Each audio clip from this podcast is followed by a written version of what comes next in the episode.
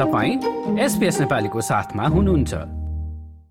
सुन्ताजी सर्वप्रथम स्वागत छ एसपिएस रेडियोको यो नेपाली कार्यक्रममा र अब नाम सुनिता सुनिता छ त्यसैले अब आफैलाई बोलाउँदाखेरि अलिकति अचम्म लाग्दो रहेछ बट एनिवेज कस्तो भइरहेछ अस्ट्रेलिया भ्रमण यो कार्यक्रम खास के हो भनेर अलिकति भनिदिनु न? म चाहिँ स्पेसल अफिसियल प्रोग्राममा नै आएको हुँ र यहाँ चाहिँ धेरै जसो स्पेसली अस्ट्रेलियन गभर्मेन्टले यहाँ चाहिँ फरेन अफेयरले नै स्पेसल भिजिट प्रोग्राम भनेर चाहिँ उहाँहरूको स्पेसल प्रोग्राम नै रहेको छ जसमा चाहिँ स्टेट मात्र नभएर फेडरल र सँगसँगै लोकल गभर्मेन्ट तिनै तहको सरकारसँग भेट्ने र विभिन्न महानगरपालिका काठमाडौँको नेपालको इस्युहरू र सँगसँगै अस्ट्रेलियाको इस्युहरू बारेमा पनि छलफल गर्ने र कोअपरेसनको बारेमा पनि हामी छलफल गर्छौँ। अब अहिलेसम्मको अब एक दुई दिनको यो बसाइको क्रममा यसो बाहिर हेर्दाखेरि सहर होइन अब यहाँको व्यवस्था केही न केही त बुझिन्छ अब अरू केही नभए पनि गाडीमा हिँड्दाखेरि ट्राफिक व्यवस्थादेखि लिएर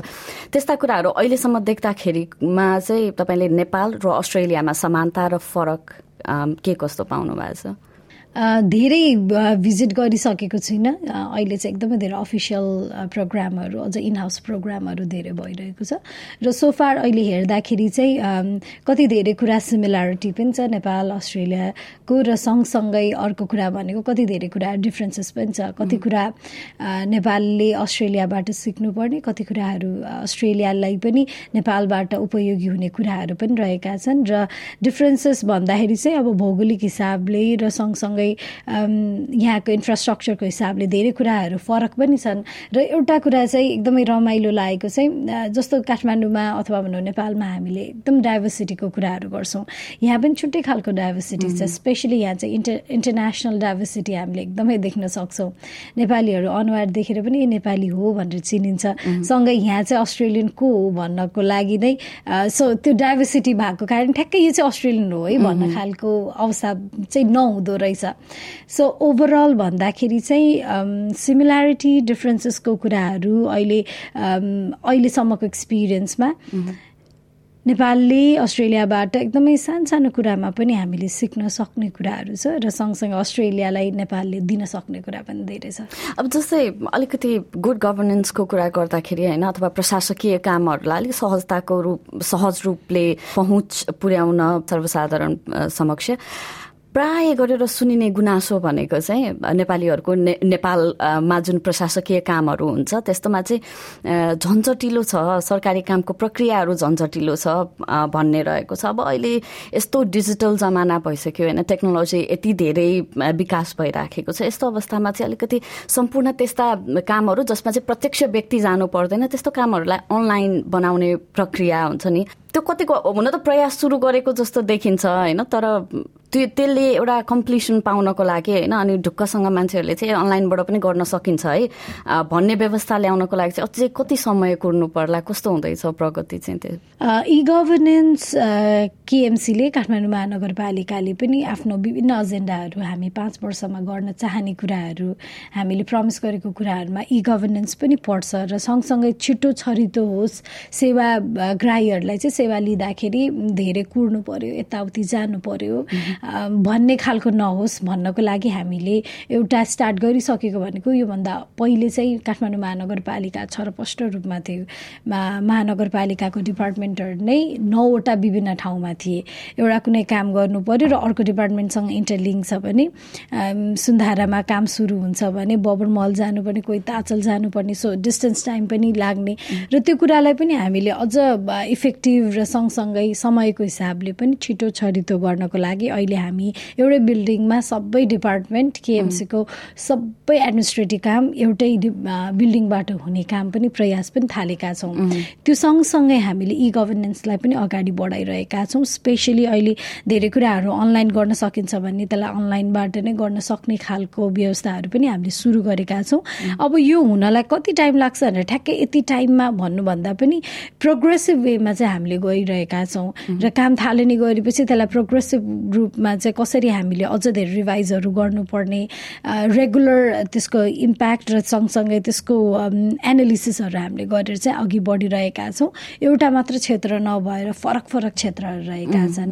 लोकल गभर्मेन्टभित्र नै लोकल गभर्मेन्टलाई फोकस गर्ने हो भने पनि फरक फरक क्षेत्रहरू रहेका छन् जसलाई चाहिँ हामीले इ गभर्नेन्ससँग जोड्ने प्रयास गरिरहेका छौँ। साना केही प्रयासहरू हामीले गरिसकेका छौँ जस्तो सिफारिस लिनको लागि ओडामा जाँदाखेरि चाहिँ डिजिटल्ली सिफारिस दिने कामहरू अहिले प्र्याक्टिस हुन थालेको छ। र कुनै पनि नयाँ कुरा इन्ट्रोड्युस गर्दाखेरि त्यो रिलक्टेन्सी पक्कै पनि हुन्छ नै।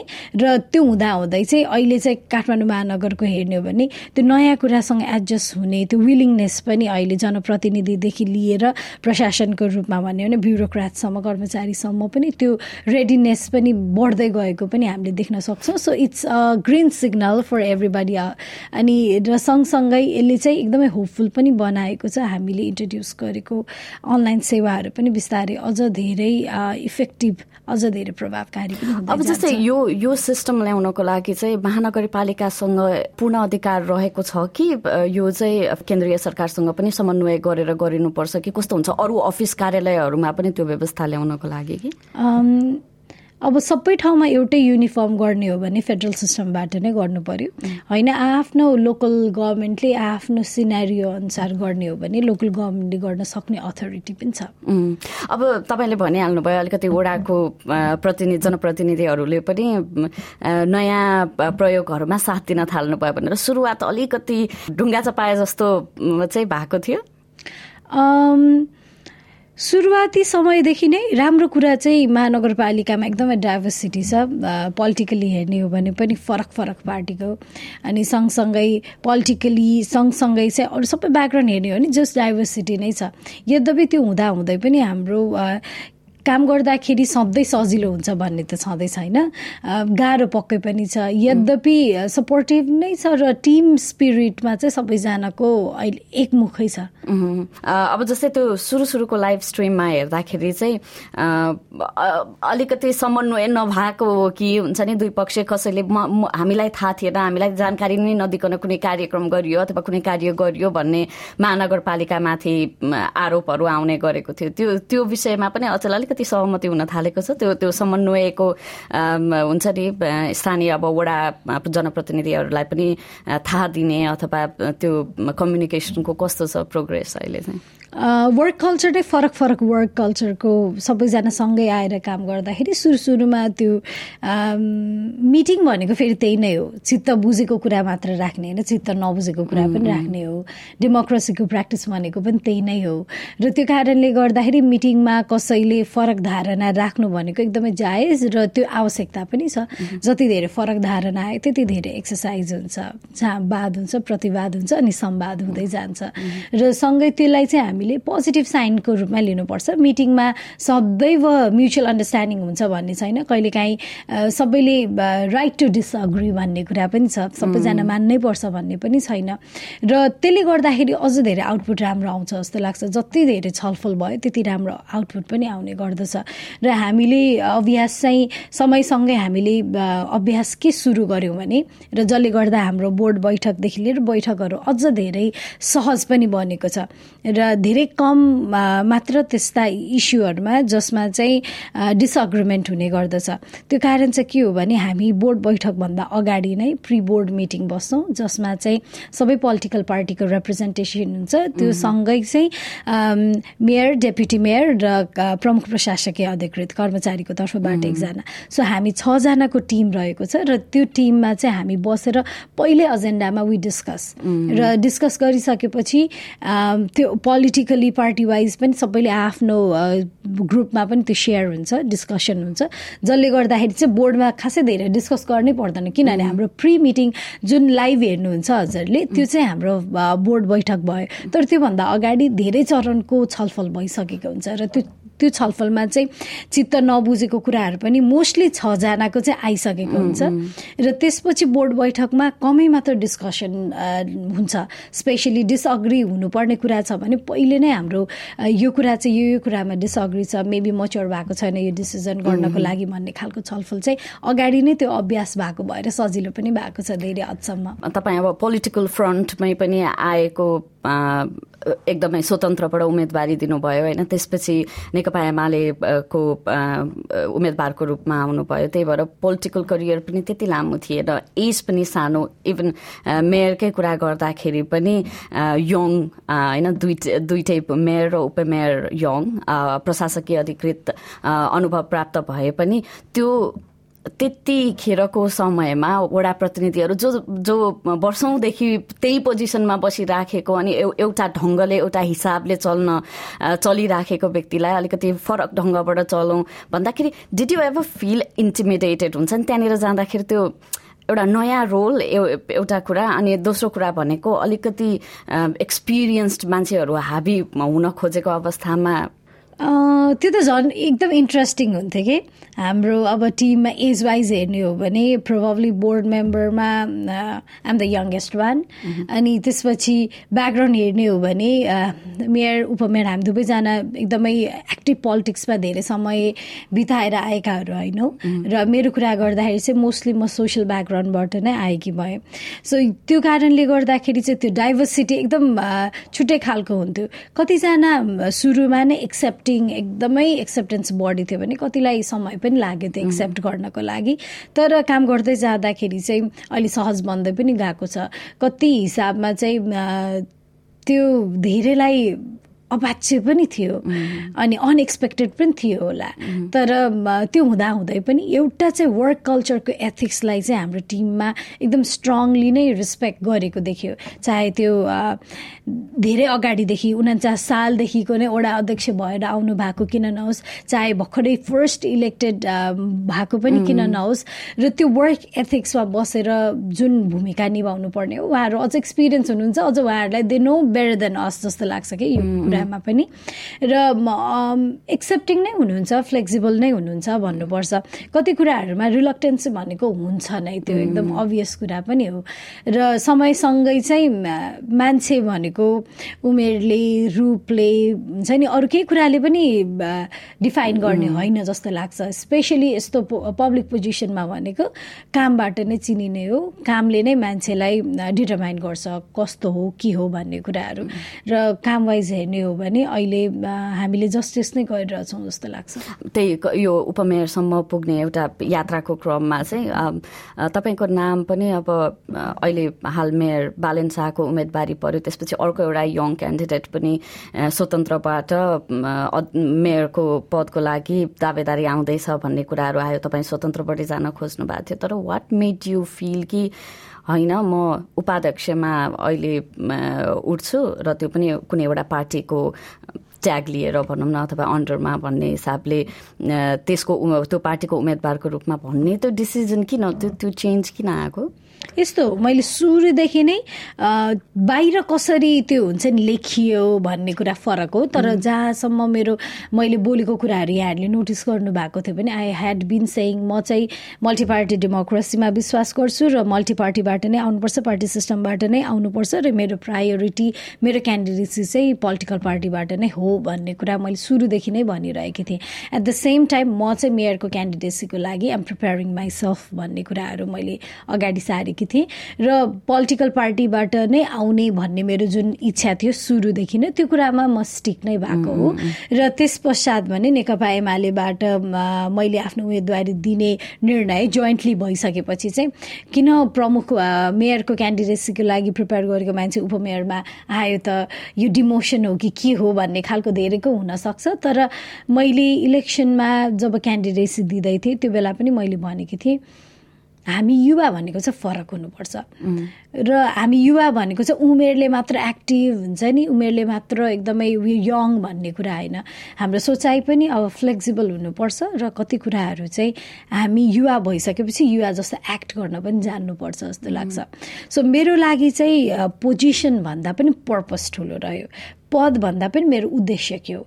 महानगरमा काम गर्ने महानगरवासीको हितको लागि काम गर्ने उद्देश्य हो भने मेयरको क्यान्डिडेसी र मेयर र उपमेयरको कुराहरू गरिराख्दाखेरि चाहिँ पदभन्दा पनि मैले पर्पसलाई ठुलो माने र त्यो पर्पस पुरा गर्नको लागि एक्ज्याक्टली मेयर वा उपमेयरको त्यो डिफरेन्सेस कति हुन्छ कि त्यो पर्पस पुरा गर्न चाहिँ ग्याप कति डिफरेन्सेस चाहिँ एकदमै हुन्छ।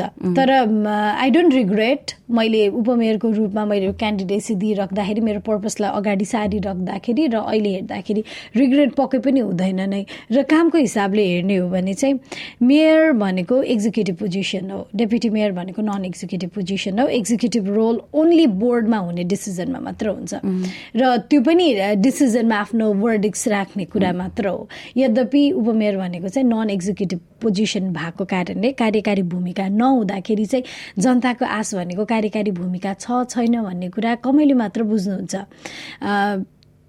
जनताको चाहिँ मैले भनेको कुरा गर्नुपर्छ अथवा गरिदियोस् भन्ने चाहना हुन्छ।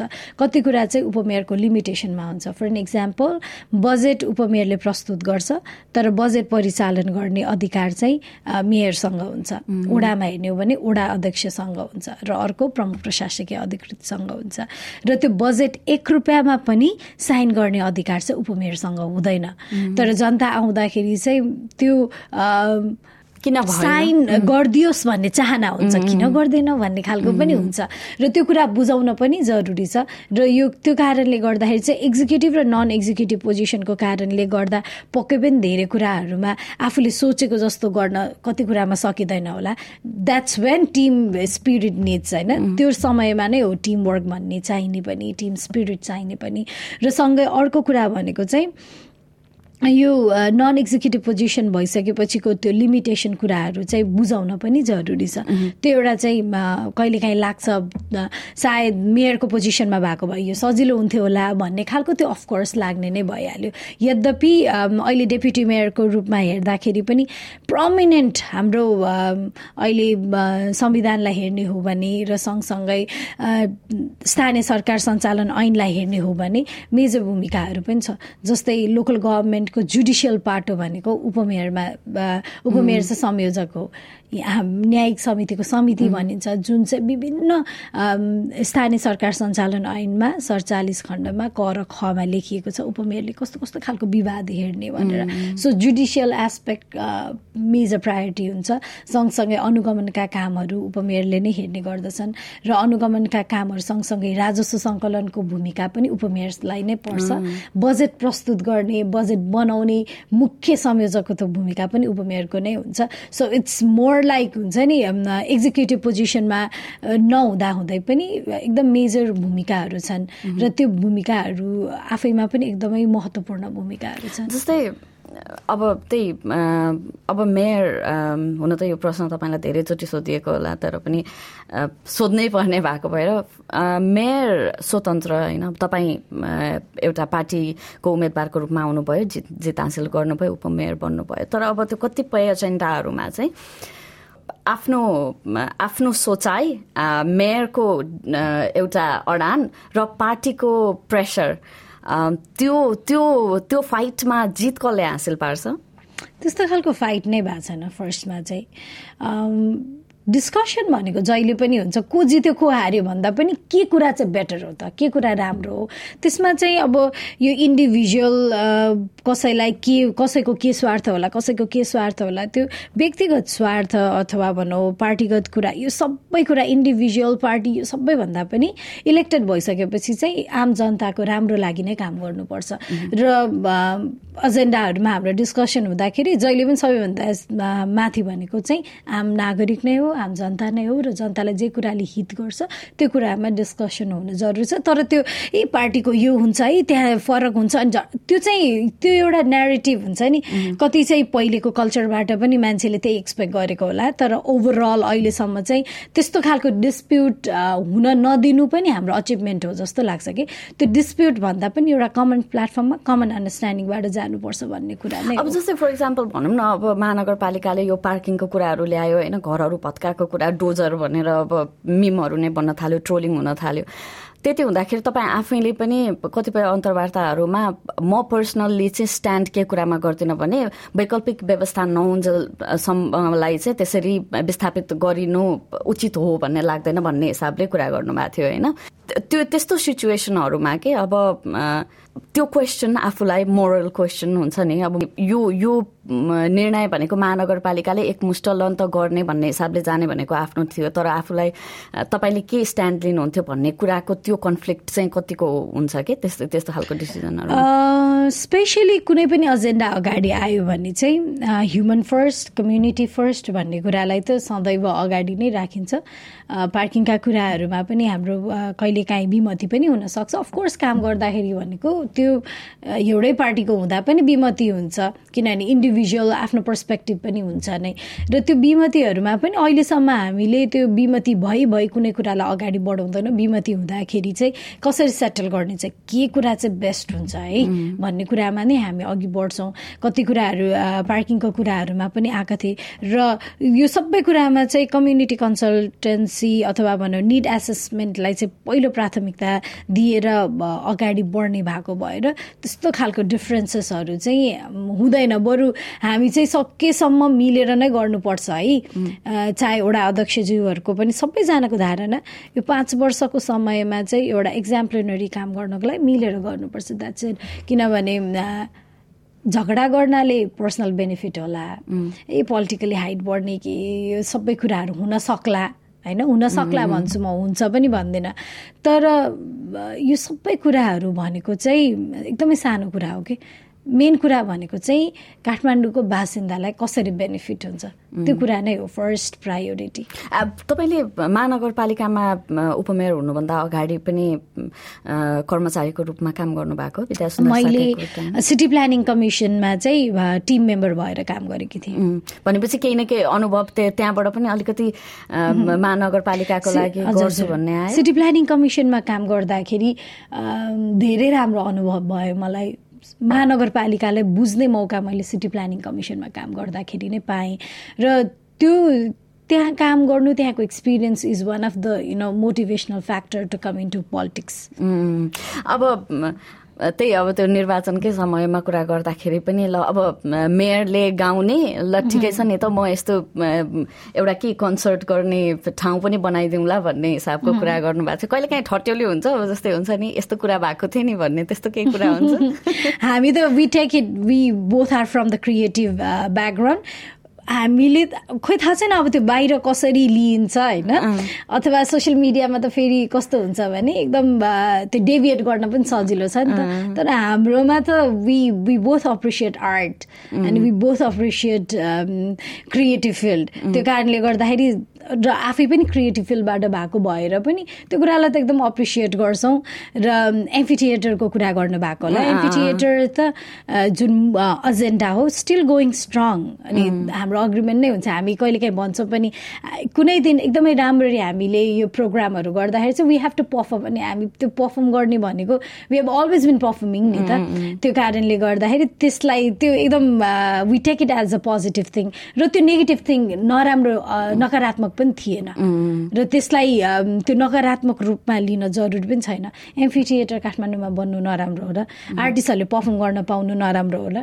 मेयर उपमेयरले वडा अध्यक्षले वडा सदस्यले पर्फर्म गर्नु नराम्रो हो र त्यो भनेको त it's all about appreciating and celebrating the creative field जस्तो लाग्छ क्या।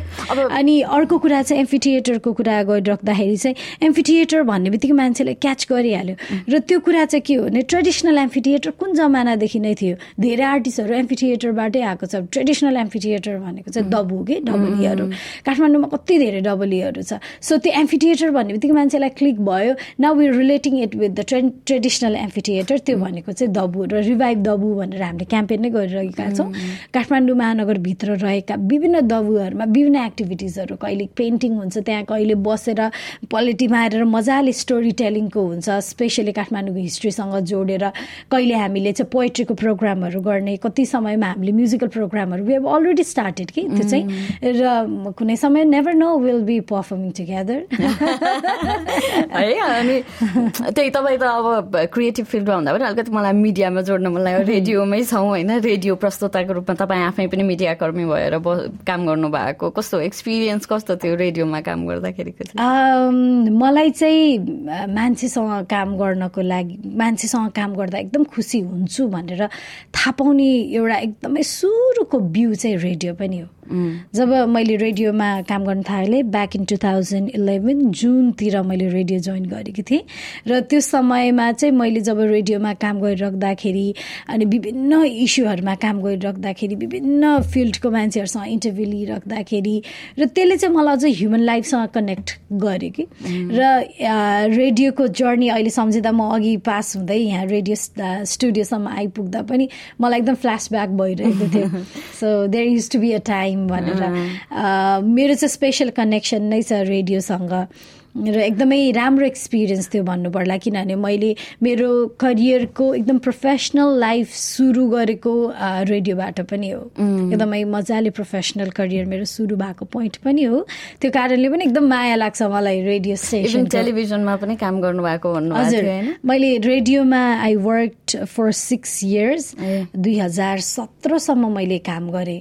त्यसपछि मैले रेडियो त्योभन्दा केही समय अगाडिदेखि मैले नेपाल टेलिभिजनमा पनि काम गर्न थालिसकेकी थिएँ र त्यसपछि चाहिँ मैले टेलिभिजनमा अर्को एउटा प्रोग्राम गरेँ। रेडियोमा पनि मेरो बडी जस्तो चाहिँ एजुकेसन सेक्टरको मैले प्रोग्रामहरू बढी गरेँ। एन्टरटेनमेन्टभन्दा बढी एन्टरटेनमेन्टमा बढी थियो र त्यसमा चाहिँ मैले एजुकेसन सेक्टरमा काम गरेँ। अर्को चाहिँ children sector was always my priority र रेडियोमा मैले चिल्ड्रेन प्रोग्राम गर्थेँ।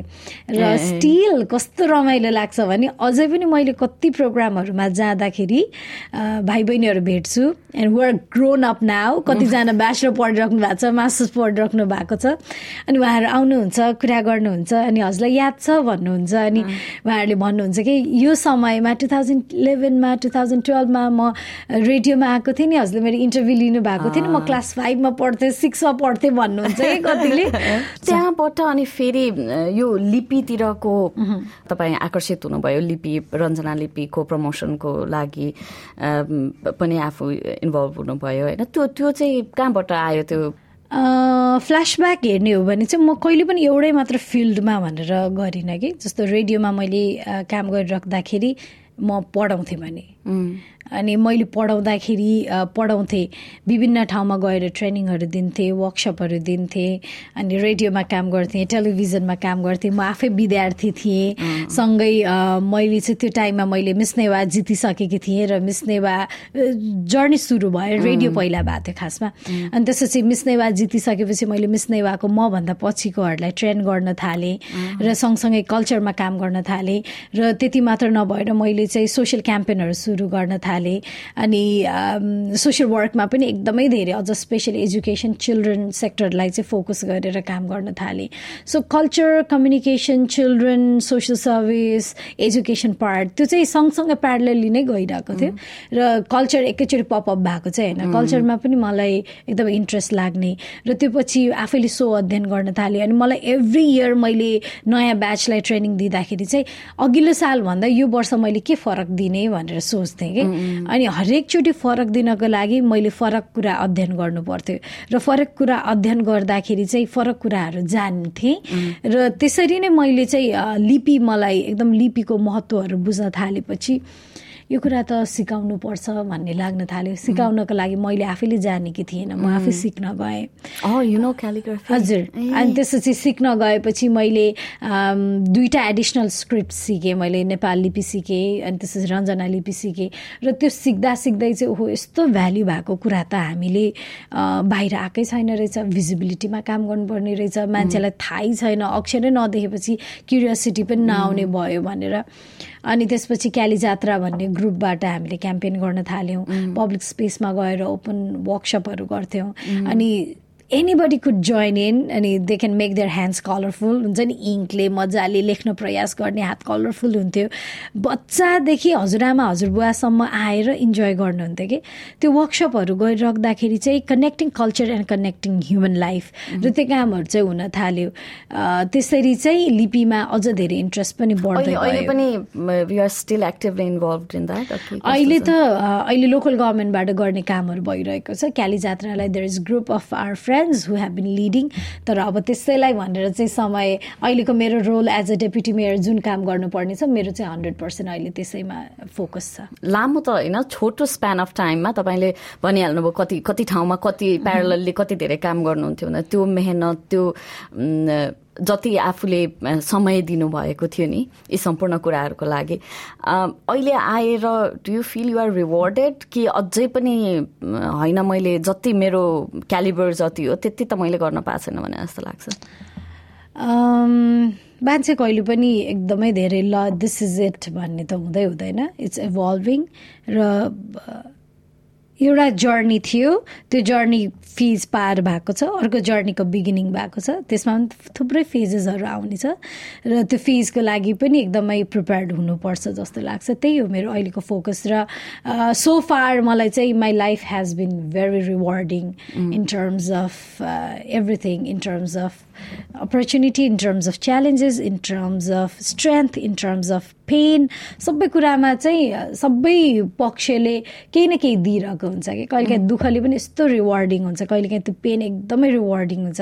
In in terms of evolving your self discovering your self and not just discovering but also rediscovering reinventing your self so अहिलेसम्म हेर्दाखेरि चाहिँ एकदमै रिवार्डिङ नै भएको छ जस्तो लाग्छ जस्तै अब तपाईँले दुःख पनि हुन्छ यो बिचमा भनेर भन्नुभयो होइन? फर इक्जाम्पल अब म यहाँ काम गर्छु अथवा मैले केही पढिराखेको छु भने त्यो घर बच्चा एकदमै त्यो ब्रेकडाउन हुने जस्तो हुन्छ होइन? कस्तो मतलब यो उपमेयर भइसकेपछि फेस गर्नुभएको छ त्यस्तो? ह्युमन भइसकेपछि ह्युमन इमोसनहरू फरक फरक हुन्छ। अफकोर्स हुन्छ कहिलेकाहीँ एकदमै ओभरवेल्म पनि भइन्छ। कहिलेकाहीँ यस्तो केसेसहरू डिल गर्छ त्यो कुराले यस्तो आफूलाई पनि प्रभाव पार्छ। आफै त्यो केसमा डुब्छ पनि कि। त्यसले पनि छुट्टै खालको पेन पनि दिइरहेको हुन्छ। त्यो अफकोर्स हुन्छ तर त्यो पेन हुँदा हुँदै चाहिँ म जहिले पनि के सम्झिन्छु भने यो सल्भ भइसकेपछि त कस्तो रिवार्डिङ हुन्छ नि त त्यो हुन्छ नि सबै पेन सबै खालको त्यो ह्युमन इमोसनहरू चाहिँ रिवार्डिङ हुन्छ जस्तो लाग्छ र म चाहिँ अहिले अहिले चाहिँ म के गर्न थालेको छु भने मोस्टली त्यस्तो खालको सिचुएसन आयो कहिलेकाहीँ एकदमै गाह्रो हुन्छ एकदमै गाह्रो हुन्छ। डिसिजन लिनेदेखि लिएर काम गर्दाखेरि कहिलेकाहीँ टिडिएस पनि हुन्छ कहिलेकाहीँ एकदमै थाक्ने त्यो अफकोर्स हुन्छ नै। र त्यो गा गाह्रो हुँदाखेरि चाहिँ म जहिले पनि एभ्रिथिङ इज टेम्पररी भन्ने कुरा चाहिँ सम्झिन्छु कि। यो दुःख पनि क्षणिक त हो। आज जति दुःख भएको छ भोलि त्योभन्दा कम हुनसक्छ त्योभन्दा बढी पनि हुनसक्छ तर अहिले जे कुरा भइरहेको छ त्यो श्रेणीको हो। त्यो आउँछ जान्छ। तर अल्टिमेट गोल के हो त? अल्टिमेट हुन्छ नि भिजन के हो त? त्यसलाई त्यो त्यो चाहिँ अचिभ गर्नुपर्छ है भनेर सोच्ने गर्छु। यस्तो यो सोसियल मिडियामा गलत समाचार अथवा इभन सब्जेक्ट अफ ट्रोल के? त्यो ट्रोलिङ गरिदिँदाखेरि हुन्छ नि कतिको इफेक्ट गर्छ त्यो कुराले चाहिँ? पोलिटिक्समा आउँदाखेरि चाहिँ एकदम थिक स्किन लिएरै आउनुपर्छ। यदि तपाईँ थिक स्किन हुनुहुन्न भने पनि समयले तपाईँलाई थिक स्किन बन्नलाई चाहिँ सिकाउँछ नै। मलाई चाहिँ कस्तो लाग्छ भने कसैले अहिले सोसियल मिडियाहरूमा ट्रोल आउँछ यो आउँछ त्यो आउँछ भन्ने कुराहरू हेर्दाखेरि चाहिँ मलाई दुःख आफ्नो लागि भन्दा पनि अरूको लागि बढी दुःख लाग्छ। किनभने हामी कस्तो मिस गाइडेड इन्फर्मेसनमा बढी भर पर्न थालेछौँ। केही कुरा देख्ने बित्तिकै विश्वास गर्ने होइन केही कुरा देख्ने बित्तिकै त्यहाँ बिचको प्रोसेस हुन्छ नि। You see it you process it you analysis you do your critical thinking analysis part हुन्छ। And then you make your perspective नि त होइन। त्यो बिचको पार्टहरू त टक्कै हुन्छ नि जम्प गर्छौँ कि। You see it and you believe it तर त्यसले चाहिँ क्रिएटिभ हुन्छ नि क्रिटिकल थिङ्क गर्ने अथवा स्ट्रेटेजिक बनाउने कुराहरूलाई चाहिँ एकदमै कम गर्छ। अब यहाँ अस्ट्रेलियाको कार्यक्रमहरूको बारेमा पनि कुरा गर्दाखेरि कस्तो कस्तो कार्यक्रमहरू रहेको छ यहाँनिर चाहिँ? सो यो प्रोग्रामहरू चाहिँ कम्प्लिटली अफिसियल भिजिट्सहरू रहेका छन् अफिसियल भिजिट्स अफिसियल मिटिङ्सहरू रहेका छन् कति कुराहरू चाहिँ यो रिलेटेड चाहिँ यहाँको फेडरल गभर्मेन्ट स्टेट गभर्मेन्ट र सँगसँगै लोकल गभर्मेन्टसँगको मिटिङ छ र it's the discussion will be more focus in to how to strengthen the bilateral relationship र त्यति मात्र नभएर यहाँ डायसपोरा नेपालीहरू धेरैजना हुनुहुन्छ जो अस्ट्रेलियामा बसिराख्नु भएको छ उहाँहरूको केही टिमसँग पनि भेट्दैछु र उहाँहरूसँगको टिम मात्र नभएर विभिन्न सेक्टरमा क्रिएटिभ काम गरिराख्नु भएको अस्ट्रेलियनहरूलाई पनि भेट्दैछु। कति युनिभर्सिटीहरूमा पनि जाँदैछु म जहाँ नेपाली विद्यार्थीहरूलाई र सँगसँगै विभिन्न देशबाट आउनुभएको विद्यार्थीहरूलाई पनि भेट्दैछु र त्यसमा चाहिँ एजुकेसन सिस्टमको हामी कुरा बढी गर्नेछौँ। र त्यो त्यो मात्र नभएर युनिभर्सिटीहरू सँगसँगै आर्ट सेक्टरमा पनि ग्यालरी भिजिट्सहरू पनि रहेका छन्। र ग्यालरी भिजिट्सकै कुराहरू गर्दाखेरि कति आर्ट एन्ड आर्टिफ्याक्ट रिसेन्टली मात्र यहीँबाट हाम्रो टुडाल चाहिँ रिटर्न भएको छ नेपालमा। सो त्यो आफैमा एकदमै सकारात्मक पक्ष हो। र सँगसँगै अहिले चाहिँ पद्मलोकेश्वरको स्ट्याच्यु पनि रहेको छ।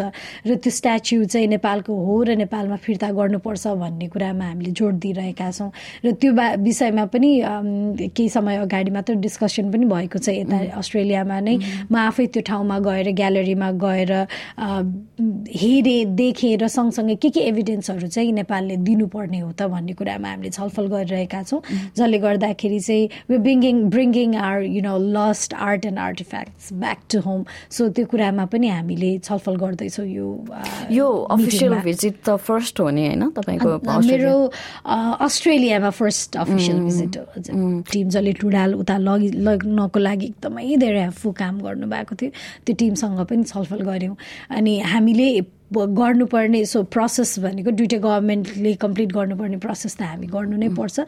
So let's make it like एकदमै इजिएस्ट वेमा अथवा भनौँ कम्प्लेक्स नबनाइकन र चाहिने डकुमेन्ट चाहिने रिक्वायरमेन्टहरू चाहिँ नेपालबाट दिएर पद्मलोकेश्वर अहिले एकदमै सिसाको ग्लासभित्र फ्रेम्ड छ र त्यो कुरा चाहिँ छिट्टै नेपालमा लैजानको लागि पनि पहल भएको छ र आजको meeting it went really productive र एकदमै ओपन छौँ हामी ओपन हार्टेड नै छौँ यो आर्टलाई फिर्ता लैजानको लागि यो नेपालमा पठाउन पाए नेपालको भेरिफाई भएर पठाउनु पायो भने हामी आफैलाई पनि यो भनेको छुट्टै खुसी मिल्छ भन्ने खालको त्यो ओपननेस पनि ग्यालेरीको टिमले पनि दिनुभएको छ र यहाँको गभर्मेन्टले पनि दिनुभएको छ र त्यसमा नेपालमा अमेजिङ टिमहरू काम गरिराख्नु भएको छ। ल ब्याकग्राउन्डदेखि लिएर यो कल्चर ब्याकग्राउन्डदेखि लिएर र सँगसँगै सोसियो कल्चरमा इन्भल्भ हुनुभएकोहरू र हिस्ट्रीमा इन्भल्भ हुनुभएकोहरू। सो अमेजिङ टिम चाहिँ नेपालमा पनि अहोरात्र उहाँहरू चाहिँ प्रयासरत नै हुनुहुन्छ र त्यसमा चाहिँ एज अ लोकल गभर्मेन्ट या भनौँ as a part of the government we are also trying from our हुन्छ नि साइड एकदमै जति हुन्छ जसरी हुन्छ ती कुराहरू चाहिँ नेपालको हो र त्यसलाई फिर्ता नेपालको हो भने फिर्ता लैजानुपर्छ भन्ने कुरामा अन्डरस्ट्यान्डिङ पनि भएको छ। यो अब जस्तै अस्ट्रेलिया अब सरकारले चाहिँ नेपालको त्यो स्थानीय सरकारको सबलीकरणको लागि पनि केही फन्डिङहरू दिने पनि डिसाइड गरेको छ होइन? यो सहकार्यहरू के अब केही समय अगाडि मन्त्री टिम वोट्सको भ्रमण नेपालमा भयो त्यसपछि पार्लियामेन्ट्री डेलिगेसनको पनि टोली गयो त्यसमा पनि तपाईँ अवेर हुनुहुन्थ्यो तपाईँ इन्भल्भ हुनुहुन्थ्यो त्यो भेटहरूमा टिम वार्ड्स उहाँलाई चाहिँ मैले भेटेँ पनि र पार्लियामेन्ट्री उहाँहरूसँग चाहिँ बिकज म आफ्नो अफिसियल काममा बढी बिजी भएको भएर त्यो समयमा भेट्न पाइनँ र सँगै यहाँबाट चाहिँ म नेपालबाट यता आउनुभन्दा एक दिन अगाडि मात्रै कन्फरेन्स पनि भएको थियो फेडरलिजममा जसमा चाहिँ यहाँको चिफ जस्टिसहरू पनि जानुभएको थियो। र उहाँहरूसँग पनि इट्स इट्स रियली त्यो म्युचुअल हुन्छ नि कन्भर्सेसनहरू चाहिँ एकदमै राम्रो भइरहेको छ। एकअर्कासँग सिक्ने एकअर्कासँग सहकार्य गर्ने एकअर्कालाई सद्भाव देखाउने र एकअर्काको विकासको लागि एकअर्काको राम्रोको लागि चाहिँ सदैव एकअर्का स्ट्यान्ड हुने। र त्यो कारणले गर्दाखेरि पनि यस्तो खालको जुन इन्टरनेसनल एक्सचेन्ज भिजिट प्रोग्रामहरू अहिले रेगुलरली भइरहेको छ त्यो चाहिँ एकदमै महत्त्वपूर्ण छ। अल्सो बिकज यहाँ त थुप्रै नेपालीहरू हुनुहुन्छ। कति स्टुडेन्ट कति डायस्फोरामा पनि हुनुहुन्छ। र उहाँहरूको पनि यो नेपाली पपुलेसन अस्ट्रेलियामा बढ्नु र सँगसँगै नेपाल र अस्ट्रेलियाको रिलेसनलाई चाहिँ अझ राम्रो बनाउँदै जानु भनेको चाहिँ it should go hand in hand जस्तो लाग्छ मलाई। अब म अलिकति यहाँनिर अस्ट्रेलियाको कन्टेक्स्ट पनि आएको भएर र महानगरपालिकाको सधैँ टाउको दुखाइको विषय भनेको यो फोहोर व्यवस्थापन होइन। अहिले अहिले अलिकति सहज भएको अहिले पछिल्लो समयमा चाहिँ। हामी अझै पनि दिगो रूपमा व्यवस्थापन कसरी गर्ने भन्ने कुरा चाहिँ we still working on finding out the best approach है? के त्यसमा कस्तो कस्तो कुराहरू हेरिरहेको छु? किनभने मैले केही समय अगाडि पनि यहीँनिर डायस्पोराकै एकजना व्यक्ति त्यही त्यही सेक्टरमा काम गरेको नलेज राख्ने भनौँ न। उहाँसँग कुरा गर्दाखेरि महानगरपालिकासँग अलिकति डिस्कसन भएको थियो यो बारेमा तर महानगरपालिकामा फोहोरको समस्या भनेको गर्मी लागेपछि उदाउँछ गर्मी गएपछि फेरि छोपिँदै जान्छ किनभने गनाउन छोड्छ। त्यही भएर त्यो गन्ध व्यवस्थापन हुन्छ नि मान्छेहरूको हेल्थमा इम्प्याक्ट नपरोस् भन्नको लागि केही उपायहरू छन् भनेर उहाँले भन्नुभएको थियो होइन? त यो अस्ट्रेलियासँग कोअर्डिनेसन त्यो विषयमा के भएको थियो कि थिएन? हामीले धेरै ग्रुपसँग पनि छलफल गरिरहेका छौँ र यही अप्रोचमा जान्छौँ भन्ने हामीले डिसिजन गरिसकेका छैनौँ र त्यो कुराहरू हामीले छलफलमा नै छ। अस्ट्रेलिया मात्र होइन इन्डियाको पनि थुप्रो अप्रोच हामीले हेरिरहेका छौँ अनि अरू विभिन्न राष्ट्रको पनि अप्रोचेसहरू हेरिरहेका छौँ। भनेपछि त्यो अहिले नै दिगो रूपमा कसरी समस्या समाधान गर्ने भन्ने चाहिँ निर्णय ठ्याक्कै धेरै कम्प्लेक्सिटीहरू पनि रहेका छन् त्यस पछाडि र त्यो कुराहरू फुकाउनेतर्फ हामी काम गरिरहेका छौँ। कार्यक्रमको अन्त्य अन्त्यतिर आइसक्दाखेरि तपाईँले वुमेन इम्पावरमेन्टको पनि कुरा गर्दै हुनुहुन्छ। तपाईँको लागि चाहिँ महिला सशक्तिकरण खासमा के हो कि? जब इकोनोमिक इन्डिपेन्डेन्स हुन्छ आर्थिक रूपमा आफैसँग निर्भर हुने आत्मनिर्भर हुने वातावरण बन्छ तब महिला सशक्तिकरण को विभिन्न पाटोमध्ये एकदम महत्त्वपूर्ण पाटो भनेको चाहिँ आर्थिक सबलीकरण र आर्थिक रूपमा आफैमा निर्भर हुने आत्मनिर्भर हुने भन्ने कुरा चाहिँ सबैभन्दा महत्त्वपूर्ण पाटो हो यो वुमेन इम्पावरमेन्टमा जस्तो लाग्छ। र वुमेन इम्पावरमेन्ट भन्ने बित्तिकै सेल्फ डिसिजनको कुराहरू आउँछ र त्यो कुरा जब इकोनोमिकली इन्डिपेन्डेन्ट हुन्छ तब मात्र सम्भव हुन्छ। जस्तै सुन्ता डङ्गललाई हामीले अब नेक्स्ट स्थानीय तहको निर्वाचनमा काठमाडौँ महानगरपालिकाको मेयरको उम्मेदवारको रूपमा हेर्न पाउँछु कि पाउँदैनौँ प्लान स्टिल साढे तिन वर्ष बाँकी छ। सो अहिलेको लागि चाहिँ मेरो फोकस भनेको म के बन्छु भन्दा पनि अहिले म जुन भूमिकामा छु त्यसमा मैले के गरी चाहिँ बेस्ट दिन सक्छु भन्ने नै फोकस छ। अस्ट्रेलियामा तपाईँलाई एकदमै ट्राई गर्न मन लागेको यो चाहिँ गर्छु भनेर प्लान बनाएको अस्ट्रेलिया भन्ने बित्तिकै दिमागमा झट्टा आउने कुरा चाहिँ के हो? ख्याङ्गरु देख्नु भएको छ देख्नु पाएको छैन अहिले अब क्यानबरा जान खोज्दाखेरि बाटोमा त देखिने होला। अनि अब ट्राई गर्न अब जान मन लागेको ठाउँ यहाँ अस्ट्रेलियामा यसो सोच्दाखेरि? त्यसरी जान मन लागेको ठाउँ भनेर सोचेर चाहिँ आएको छुइनँ। सो मलाई यहाँको ह्युमन लाइफस्टाइल एकदमै हेर्नु मन थियो र त्यो कुरा चाहिँ नजिकबाट हेर्दैछु। लाइक सेयर र कमेन्ट गर्नुहोस्। एसपिएस नेपालीलाई फेसबुकमा साथ दिनुहोस्।